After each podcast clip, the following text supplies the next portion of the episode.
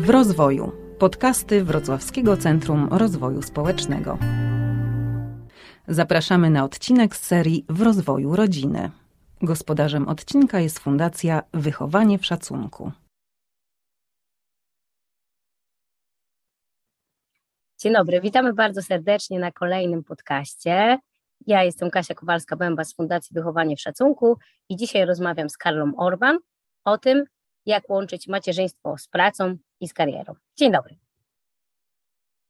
Dzień dobry, witam wszystkich. Ja się nazywam Karla Orban, jestem psychologiem, psychoterapeutką w trakcie szkolenia systemowego i pracuję z rodzinami, z dziećmi, z ich rodzicami i opiekunami.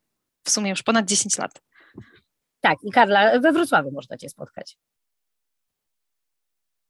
Tak, można mnie spotkać we Wrocławiu, tak, chociaż pandemia tak namieszała, że w zasadzie teraz to spotykam wszystkich zewsząd, ale tak, pracuję we Wrocławiu, to prawda. No i powiedz, no, nie jest to wcale łatwe, kiedy pojawia się dziecko. E, my sobie jakąś karierę budujemy, mamy jakieś osiągnięcia, firmy, albo gdzieś tam się na tych szczeblach pniemy, no a tu nagle pojawia się taki bąbelek, kończy 12 miesięcy, kończy nam się macierzyński, no i coś trzeba zrobić, coś trzeba postanowić. Jak ty to obserwujesz? Co się wtedy dzieje? Jakie dylematy się pojawiają? Co mamy sobie wtedy myślą? Jak sobie z tym radzić, z takimi trudnościami, które może właśnie część z pań, które nas słucha, ma? Ja w ogóle sobie myślę, że jak to się dzieje w takim tempie opisanym ustawowo, czyli dla kogoś, kto jest na etacie, ma 12 miesięcy, e, jest w tym takim trybie, który my sobie wyobrażamy, jak myślimy macierzyński, to jeszcze jest e, przysłowiowe pół biedy, bo to wtedy daje trochę czasu, żeby się zastanowić, przygotować i jakoś tak myślę, więcej akceptacji się też dostaje wtedy od innych, jak się wraca do tej pracy. Natomiast jak się ma taką pracę, która nie pozwala na przykład brać tych 12 miesięcy, bo przykładowo ktoś ma działalność gospodarczą i nie może jej zawiesić, bo by stracił klientów, um, albo no, konieczność finansowa po prostu jest taka, żeby ktoś wrócił do pracy, albo ktoś w ogóle nie ma umowy o pracę i nie ma tego urlopu macierzyńskiego, um, to myślę sobie, że wtedy te decyzje też się podejmuje z takim jednak większym ciśnieniem i z taką większą obawą, jak my sobie poradzimy, jak wrócimy. Mm, bo to jest jednak zupełnie inna rozmowa, kiedy zostawiamy sześciomiesięczne dziecko, które jeszcze prawie nic nie je i wtedy ja mam całą logistykę, jeśli jestem karmiąca piersią, to mleczną, jeśli nie jestem karmiąca piersią, to dalej logistykę karmienia i wszystkiego tego, co tam się wtedy dzieje, a zupełnie inaczej, jak już mam takiego bąbla, który chodzi albo, co dla wielu ludzi jest ważne, mówi, bo wtedy też jest więcej takiego poczucia, dobra, jak coś nie będzie tam grało w tym miejscu, w którym zostawiam, no to ten mój bąbel mi powie. Także mam takie poczucie, że bardzo dużo obaw z tym związanych zależy od tej sytuacji, w jakiej jesteśmy. I tak to też trochę podzieliłam w książce, która się ukazała w zeszłym miesiącu, że dzielę tę sytuację jednak na tą, kiedy wracam do pracy, bo chcę. Ona też nie jest bez kosztów, bo wtedy jest duży koszt społeczny, że jak mogę chcieć, a jeszcze zwłaszcza jak to jest przed 12 miesiącem, to jak ja mogę robić to dziecku. Mm, a zupełnie inna sytuacja jest wtedy, kiedy ja postrzegam tę sytuację tak, że ja muszę. Tam jest więcej zazwyczaj poczucia winy, jest więcej e, oceny takiej e, też e, otoczenia, ale związanej tym razem z wiekiem dziecka. Także myślę sobie, że to bardzo mocno zależy od tego, w jakiej sytuacji siedzimy. No to dobra, to rozłóżmy to trochę, podzielmy sobie też w takim razie.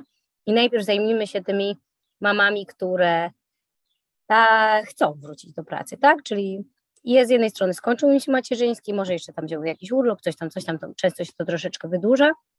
No i wracają do pracy no ale jednak wciąż muszą to dziecko komuś powierzyć, nie? I wciąż pewnie, tak jak mówisz, jakieś dylematy i problemy się z tym wiążą. No to najpierw może spróbujmy dla tych mam e, się zastanowić nad odpowiedzią, jak sobie z tym poradzić. Jeśli ktoś ma taką sytuację, że ma już pomysł na opiekę, taką dostępną i to, co jest pożądane, jest dostępne, bo to jest jeszcze, myślę, ważny czynnik, żeby to jakoś się zgrało. Czyli ktoś na przykład chce wysłać do żłobka i chce wysłać do żłobka, który jest kameralny, czyli no nie wrocławski żłobek z grupą 50 dzieci, bo i taki mamy. I nie jest to, myślę, sprzyjające rozwojowi, czemukolwiek w ogóle, no to wtedy mamy taką sytuację w miarę komfortową. Mam jakiś pomysł, mam jakieś miejsce, w tym miejscu czuję, że ci ludzie, do których ja to dziecko wysyłam, oni gdzieś wzbudzają moje zaufanie. Z, taką, z takim tutaj asterixem, że zaufanie nie oznacza, że ja wiem, co tam się będzie zawsze działo. Bo zaufanie to jest w ogóle trochę o tym, czego ja nie wiem, tylko tego, co ja zgaduję, że będzie się działo, w co wierzę, że będzie się działo, nie? Dlatego zaufanie w ogóle rzadko daje się rozwiązać kamerami, bo wtedy pozostaje zawsze ten temat, co się dzieje, jak oni wychodzą na dwór, a co się dzieje, jak ta kamera nie obejmuje tam tego miejsca, a może no dobra, no ja tutaj na przykład widzę, ale nie mam dźwięku, a jak mam dźwięk, no to tak, że wtedy analizuję dużo tych rzeczy, można być tak, że nie mam wcale z tego takiego poczucia większej pewności, tylko jeszcze większy stres, nie? Natomiast myślę sobie, że ważne jest dla kobiet, które wracają do pracy, po pierwsze to, żeby wolno im było podjąć decyzję, że chcą. Dlatego, że bardzo dużo kobiet, które chcą, zaczynają mówić, że muszą, właśnie po to, żeby nie było, no ale jak to chcesz? Jak to chcesz wrócić do pracy w ogóle? Przecież masz takie małe dziecko. Daliśmy taki cytat z wydawnictwem, jak promowaliśmy książkę, um, o tym, że kobieta ma prawo zadbać o siebie i że ma prawo dla siebie sama też być ważna. I to jest taki cytat, że wydawało mi się, że najbardziej neutralny z możliwych. Masz prawo być ważna dla siebie, masz prawo zadbać o siebie, bo jak dbasz o siebie, to też dbasz o swoje dziecko. Nie wydawało mi się, że w tym cytacie cokolwiek jest takiego kontrowersyjnego, ale no to, co się zadziało w komentarzach, to przerosło moje oczekiwania. Część pisała, najważniejszy jest mąż. Ja wtedy sobie myślę, kurczę, mąż jest dorosły. Najważniejszy jest mąż? No dobra, no to też ustawianie tego w taki dziwaczny sposób, tak? Bo ja rozumiem, że ta relacja może być ważna. Relacja z mężem ma prawo być ważna, ona jest ważna, jasne, czy z partnerem, jakkolwiek, ona jest ważna, pewnie. Relacja z dzieckiem jest mega ważna, bo to też tam padało, no jak to, dziecko jest najważniejsze. Okej, okay, ale to nie oznacza, że ja nie mogę być subiektywnie najważniejsza dla siebie, bo pod koniec dnia nie zadbało mnie dziecko, bo nie umie i nie powinno, to nie jego rola, ale też może być tak, że ta osoba, z którą się związałam, ona nie udźwignie ciężaru dbania o mnie w różnych momentach swojego życia albo w ogóle. Więc jeśli my się spieramy pod e, takim prostym cytatem, masz prawo być ważna dla siebie, to sobie myślę, no nie dziwię w takim razie, że jak ktoś wraca do tej pracy, bo chce, to to się spotyka z takim odbiorem. A tam padały naprawdę mega oceniające rzeczy, że jak, jak, kobieta jest, tam padło coś takiego, że jak kobieta wraca do pracy, bo chce, to znaczy, że ona nie powinna mieć dzieci, powinna je oddać babci. Ojej. No to już jest dla mnie hardcore, nie? Takie, takie myślenie, że okej, okay, no to już jest w ogóle nieodpowiedzialna tam padło. Nieodpowiedzialna, no to ciekawe, nie? Bo tak sobie myślę, że właśnie czas, czasami odpowiedzialność polega na tym, że ja sobie jednak ważę, co pozwala mi się tym dzieckiem najlepiej zająć. I teraz mało się pozwala mówić o tym, że nie dla każdego rola matki to będzie rola życia. Dla kogoś to będzie rola, która będzie szła jako jedna z ról, ale nie będzie rolą, którą ktoś będzie chciał wypełnić 24 godziny na 7. I to też myślę sobie, że warto kobietom mówić i normalizować, że można być lepszą matką, będąc krócej ze swoim dzieckiem, niż w niektórych sytuacjach, będąc z nim cały dzień. Ja znam takie mamy. I nie mam wtedy takiej odwagi powiedzieć, najlepiej to jest, jak jest dziecko tylko z mamą.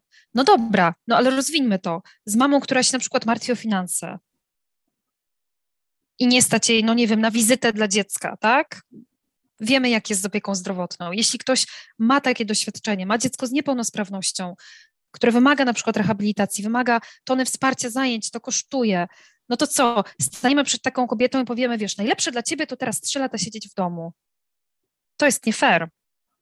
Jeśli ktoś odczuwa, że jest w takich otchłaniach um, depresji poporodowej, lęku, innych stanów, jasne, że pójście do pracy ich nie rozwiązuje, ale ja biorę to, naprawdę biorę to i wierzę, że ktoś mówi, ja potrzebuję tego fragmentu mojego życia, żeby poczuć, że moje życie się nie skończyło takie, jakie znam. I jeśli ktoś wraca do pracy i mówi, jest mi łatwiej, jest mi łatwiej wrócić, odkąd wróciłam, czuję, że dało mi to jakieś takie poczucie dobra oddechu. Naprawdę dobrze mi tak. I ja dzięki temu czuję, że chętnie siadam z tym swoim dzieckiem, no to teraz przyjdzie ktoś i powie, ale to jest mniej warte niż siedzieć cały dzień. Jakie to jest nie fair? No to jest w ogóle nie fair, żeby ktoś oceniał, nie? Mm, jakby podejmowane przez nas decyzje, e, tak sobie myślę.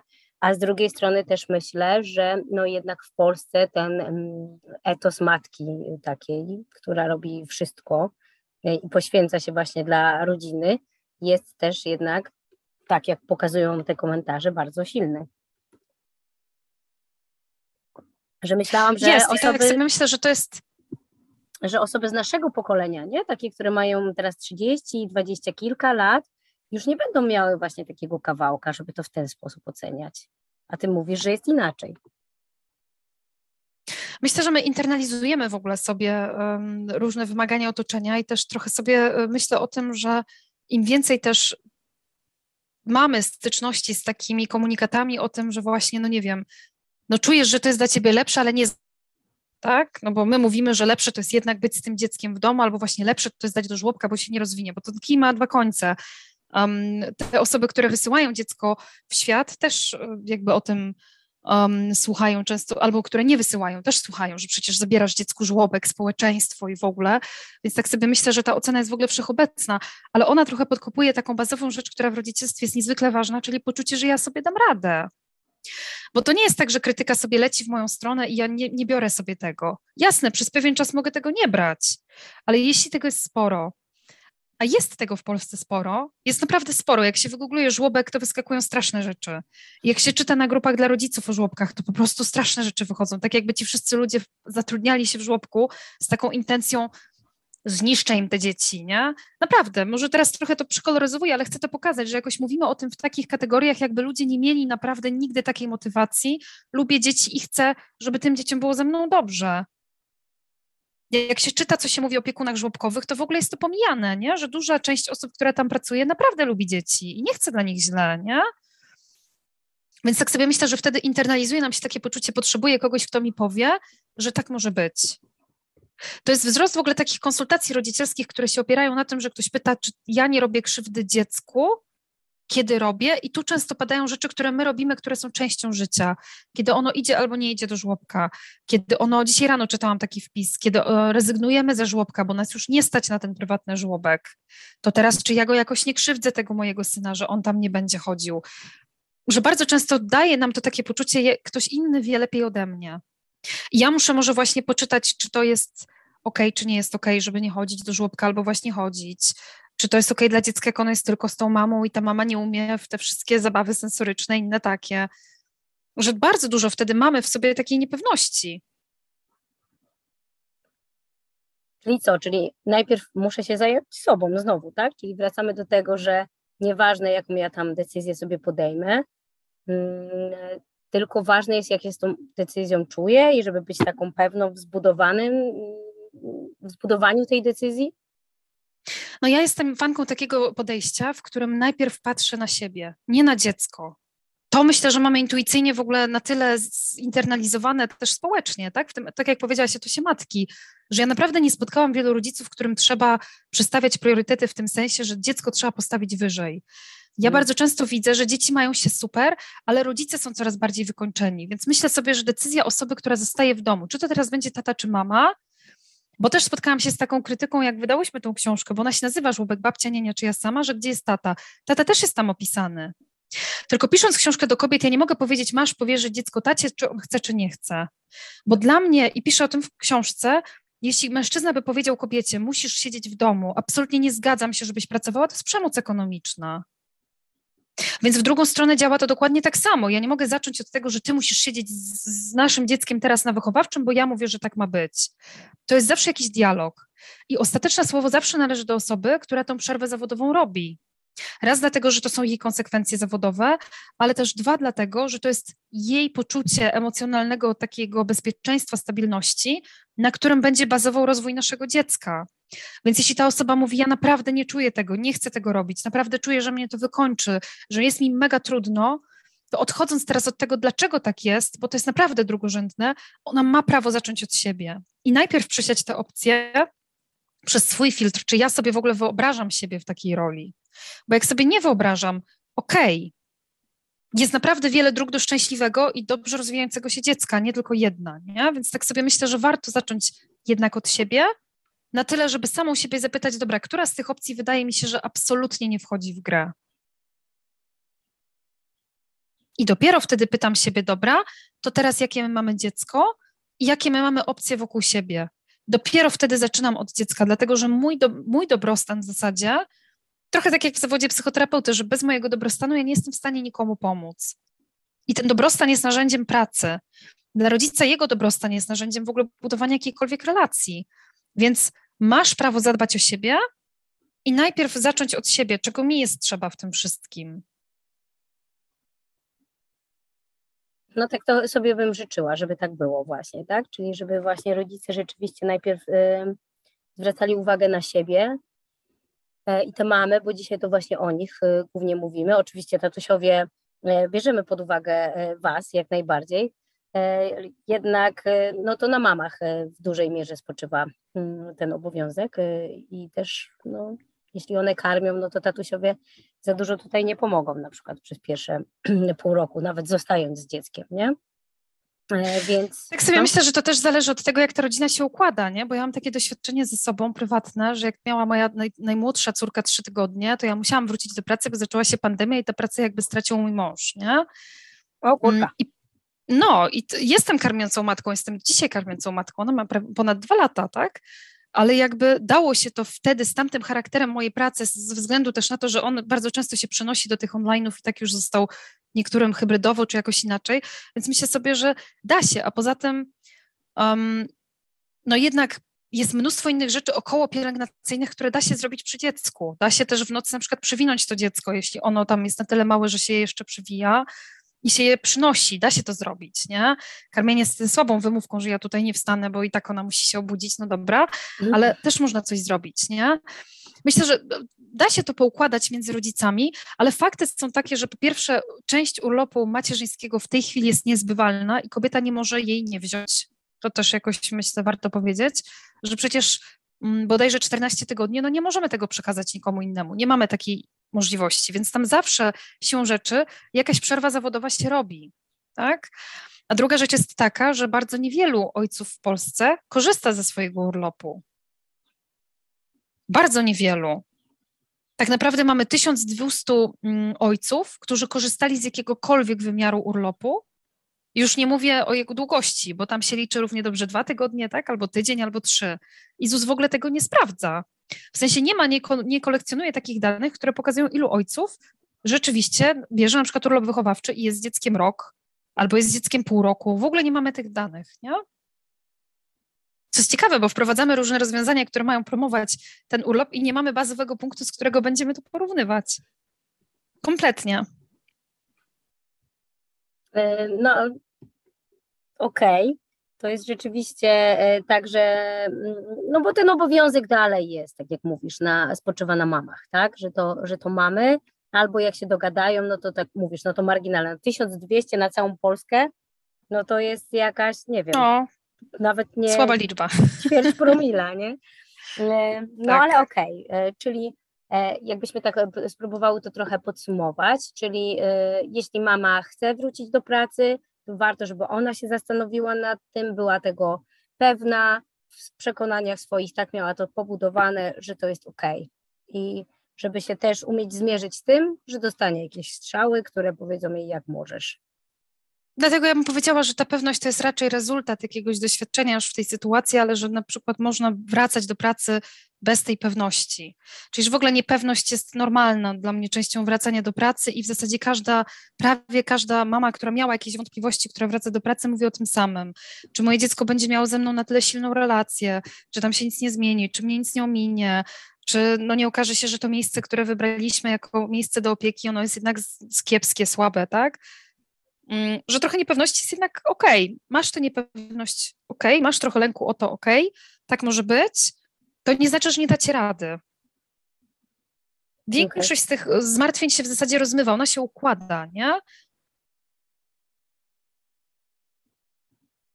No dobra, no ale to wejdźmy teraz y, jeszcze, chciałabym, żebyśmy jeszcze spróbowały pomóc y, tym mamom, które muszą wrócić do tej pracy e, i pewnie jakiegoś tego poczucia winy czy niechęci może być więcej. To, to, to jak ty radzisz im, co, co mówisz, żeby one miały sobie z tym jakoś poradzić lepiej? Ja lubię przypominać o tym, że wybór na zasadzie muszę, to też jest pewien wybór na zasadzie chcę, w tym sensie, że ja zawsze coś wybieram.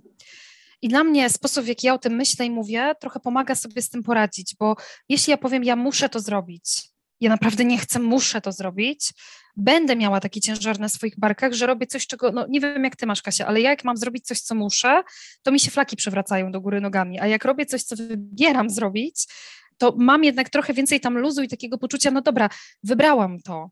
Bo ja mogę wybrać te wszystkie negatywne konsekwencje, które mnie tam czekają, jeśli ja nie wrócę. Ja mogę wybrać to, że no trudno, no nie dostanę tego awansu, nie wiem, nie będziemy mieć kasy, więc będziemy jakoś mocno nam się pogorszy. To się da też wybrać. Jeśli ja sobie powiem, dobra, wybieram to, żeby zadbać teraz o potrzeby finansowe, o jakąś potrzebę bezpieczeństwa, które mi się pojawi, kiedy zrobię to wszystko, o jakąś taką ciągłość, o cokolwiek, co tu sobie wstawimy, co jest moim muszę, to jednak daje mi to poczucie dobra, to jest jakiś taki wybór jakiejś potrzeby nad drugą. Tak po prostu w życiu bywa, tak jest okej. Okay. Mogę być w takiej sytuacji. Ludzie w sytuacjach nieidealnych też mają dzieci. To w ogóle trzeba jakoś przypominać, mam wrażenie, społecznie, że też część ciąż jest nieplanowana. Nie lubimy o tym mówić, ale tak jest. Więc to nie jest tak, że ludzie cię projektują sobie to rodzicielstwo. Tu sobie będę mieć 33 lata, wtedy będę już po dwóch awansach i będę z doktoratem i wtedy sobie zdecyduję się na dziecko. Życie się różnie układa i ma prawo się tak układać. I ja mówię takim mamom, które przychodzą, mówią, no ale dobra, no ale no ja nie dam tego swojemu dziecku, bo wrócę do tej pracy, że to też jest okej okay, macierzyństwo. Że ta jakość jest naprawdę dalej bardzo ważna, dalej jakby nie przekreśla, też to nie jest tak, że to się jakoś skreśla. Byłaś z dzieckiem w domu 3 miesiące, 6 miesięcy, 12 miesięcy, ale jak nie będziesz jeszcze kolejnych 12, to już kaplica, to sobie tam dalej jest. I wybór tak naprawdę ścieżki, która jest dbaniem o cokolwiek, tak? Czy dbanie o tego partnera. Bo panom też się zdarza, 10% ojców też cierpi na zaburzenia lękowe czy depresyjne, więc może być i tak, że ktoś odciąża swojego partnera, bo on już nie daje rady. To też jest wybór też jest ważne dla rodziny, nie? Więc tak sobie myślę, że wybieranie tego, co jest dla nas ogółem też dobre, też jest wyborem, jest ważnym wyborem.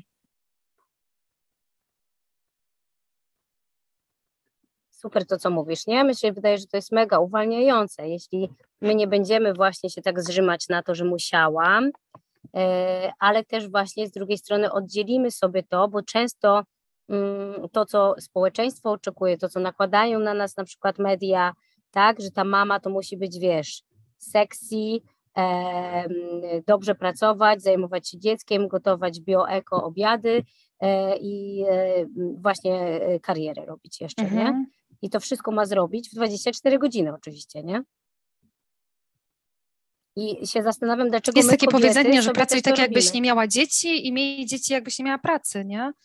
Jest taki podwójny standard, tak, że jak chodzisz do tej pracy, to tak, nie bierz zwolnień, tak, jakoś, nie wiem, nie urywaj się wcześniej, nie, nie korzystaj z tej przerwy na karmienie, no bo halo, ktoś cię tam musi zastąpić, nie, ale z drugiej strony jak masz dzieci, no to właśnie tak jakbyś nie miała pracy, nie, nie noś pracy do domu, nie rób tego w domu, jakby nie, nie, nie siedź po godzinach. Okej, okay, czasem da się tak zrobić, czasem nie da się tak zrobić. To nie jest takie zero-jedynkowe, że my wiemy, z których dzieci teraz wyrosną dzieci, które powiedzą, miałam fatalne dzieciństwo. Bo dzieciństwo to jest naprawdę długi okres czasu, gdzie jeszcze mnóstwo rzeczy może się wydarzyć, nie? Także ja lubię o tym przypominać. Poza tym mamy takie dane, o których nie mówimy jakoś chętnie, chociaż nie wiem dlaczego, że tak na dobrą sprawę, kiedy się w krajach, w których się bada wpływ żłobka czy jakiejkolwiek instytucjonalnej opieki na dzieci, to wyniki nie są przerażające. To znaczy, jeśli nawet obserwujemy jakieś trudności u dzieci, Um, I one nam się statystycznie istotnie sprawdzają, że także może być większe ryzyko, no, na przykład jakichś trudności z zachowaniem po tym wieku przedszkolnym, bo są takie badania oksfordzkie, no to nie jest to efekt, który się utrzymuje w wieku szkolnym czy um, nastoletnim, a jeszcze bardzo często w tych badaniach jest wprost napisane, że to są trudności, które nie spełniają kryteriów na przykład zaburzeń zachowania. Czyli okej, okay, mówimy o tym, że ktoś może, no nie wiem, częściej kogoś popychać, tak? Ja sobie zawsze wtedy myślę, no dobra, na ile to, że on to robi, nie wynika z tego, że on ma kontakt z tymi dziećmi. No bo jasne, że jak mam kogoś w domu, no to on ma mniej kontaktów społecznych, ja w ogóle będę mniej widziała, jak on się zachowuje w grupie. Na ile to nie jest efekt tego, że obserwujemy to dziecko, no ma tutaj, daje nam próbkę tego, jak się zachowuje, to nam wychodzi. Ale naprawdę nie mamy takich badań, które demonizowałyby do końca. I tak samo Bowlby, na którego się wielu powołuje, ten, który jest twórcą teorii przywiązania, też się mówi, przywiązanie absolutnie trzy lata w domu z dzieckiem. No dobra, ale Bowlby jakoś mówi, że dzieci, w tym małe dzieci poniżej trzeciego roku życia, że one mają więcej niż jedną relację bliską, że one są hierarchiczne i to jest normalne, czyli będzie tak, że jest mama, jak nie ma mamy, to wtedy dopiero na przykład, nie wiem, babcia, tata, a jak ich nie ma, no to wtedy ta pani ze żłobka, tak? Że one potrafią budować te relacje i co ciekawe, że mogą mieć bezpieczną relację z opiekunem instytucjonalnym i pozabezpieczną z rodzicem w domu. No to dla mnie danie komuś pełnej wiedzy pozwala mu to sobie jakoś rozsądzić. I jednak się skupić na tym, co ja mogę zrobić, żeby moja relacja z dzieckiem była bliska, jak, jakim ja mogę być rodzicem, żeby ona była bliska, a nie na tym, czy ja jestem w domu, czy jestem poza domem. Bo skupiamy się na najmniej istotnej rzeczy w tym wszystkim, nie? Czyli generalnie mimo naszego wyboru, czyli jeśli wybierzemy, że zostajemy, albo jeśli wybierzemy żłobek, albo jeśli wybierzemy nianię, albo jeśli będzie mi pomagała mama, albo teściowa, to i tak kluczowe jest to, jak my budujemy tą relację z dzieckiem wtedy, kiedy z nim jesteśmy. Pewnie, że tak. I jak zapyta się dorosłego człowieka, jaka była twoja relacja z rodzicem, to to zdanie nigdy nie zaczyna się od mama chodziła do pracy. Hmm. To jest zawsze mama mnie słuchała albo nie, tak? Rodzice mnie szanowali, albo rodzice mnie bili, albo rodzice, tak? Dla rodziców miałam wrażenie, że nigdy się nie liczy to, co ja chcę na przykład, tak? Więc myślę sobie, że dla mnie to jest w ogóle fajna taka perspektywa, żeby czasami się zapytać, z czym ludzie przychodzą do psychoterapeuty jako dorośli ludzie, bo też nie przychodzą na przykład z tym, że mama karmiła mnie piersią za krótko albo wcale z tymi takimi rzeczami, które czasami dla nas są dużą decyzją, jakąś taką w naszej głowie ważącą losy dziecka, dorośli ludzie naprawdę nie przychodzą z takimi rzeczami, przychodzą z pewnym ogółem takiej atmosfery emocjonalnej w domu. Tego, nad czym możemy pracować, jak dziecko ma dwa miesiące, dwa lata, 12 lat i 22 lata, bo ta relacja się przecież nie kończy, nie? Także jest tam dużo pola do tego, żeby ta relacja była dobra, niezależnie od tego, w jakich my siedzimy okolicznościach. Czyli co, drugie mamy przede wszystkim y, możecie trochę ściągnąć z siebie, y, ze swoich barków tego ciężaru, że ta decyzja to po prostu mm, zaważy na tym, czy wasze dziecko dostanie się na studia, czy nie. Na pewno nie zaważy na tym, czy dostanie się studia. To jestem, mogłabym postawić na to e, swoją wypłatę z najbliższych sześciu miesięcy to na pewno nie będzie takie istotne. Myślę sobie, że najważniejsze tak naprawdę właśnie znowu dla relacji i dla jakości tej relacji jest to, jak się czują poszczególne w niej osoby. Im więcej mamy tego poczucia winy, tym bardziej to poczucie winy podsuwa nam jakiś taki nierealny, idealistyczny obraz rodzicielstwa, w którym rodzic się nigdy nie złości, zawsze ma ochotę się bawić, nigdy nie podnosi głosu, nigdy nie okazuje, że się czegoś boi albo boi się o dziecko czy z dzieckiem, tak? Że te, wychodzi nam wtedy taki portret rodzica idealnego, do którego raz, że nigdy nie da się dosięgnąć, a dwa, naprawdę niezdrowo byłoby tam dosięgnąć. No bo jakby się miały z nami czuć nasze dzieci, kiedy ja się nigdy nie wkurzam, nie tracę cierpliwości, a one się wkurzają i tracą cierpliwość. No to teraz po pierwsze od kogo się uczyć, co się z taką sytuacją robi, no a po drugie, no to jak ja wypadam wtedy w porównaniu z moimi rodzicami? Słabo, nie? Dlatego to jest potrzebne i to, że ktoś nie wie, nie wiedział nawet właśnie, miałby się pomylić, tak, w ocenie.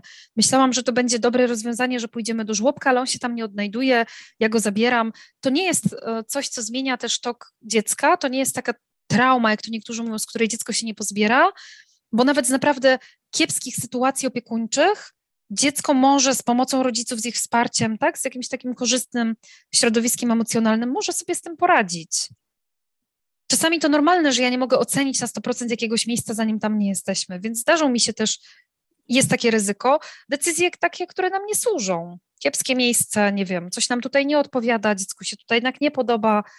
Okej, okay, zmieniamy, mamy prawo zmienić, mamy prawo nie wiedzieć czegoś, zanim zaczniemy to robić i to też nie zmienia, nie wykoleja nam życia. Okej, okay, a powiedz jeszcze może na koniec dla tych mam, których rzeczywiście to poczucie winy jest jakieś takie większe, to jak sobie, jak, jak sobie z nim radzić? Jaki jest pierwszy krok? Co możemy zrobić najpierw? Ja lubię sobie robić taką technikę, w której rozpisuję sobie e, trochę tak jak na takich biegunach, piszę sobie najgorsza matka na kartce i piszę sobie najlepsza. I spisuję, co robi ta najgorsza, co robi ta najlepsza.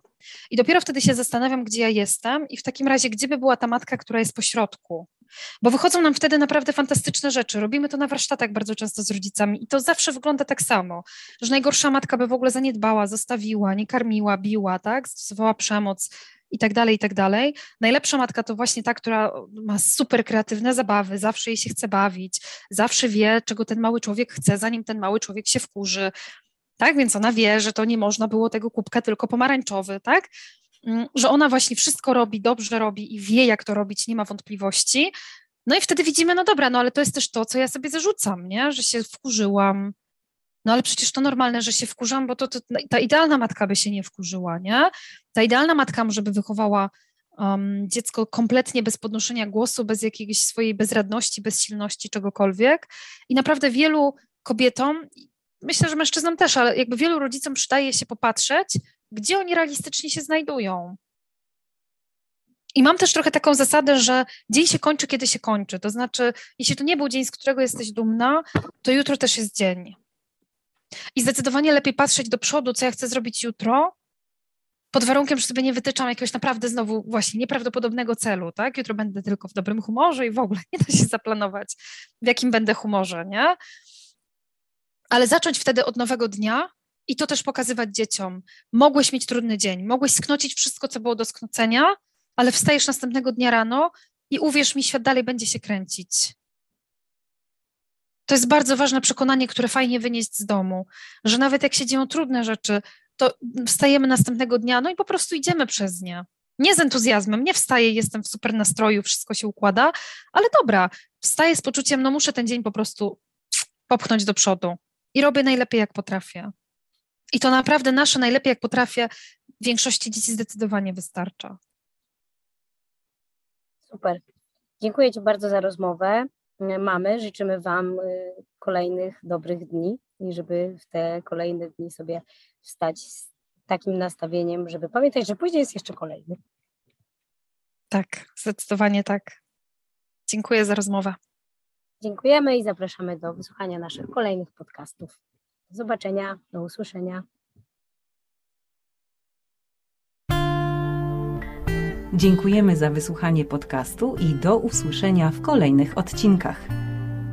Podcastów w rozwoju możecie słuchać na ośmiu platformach, w tym Spotify, Anchor, Google Podcast i Castbox.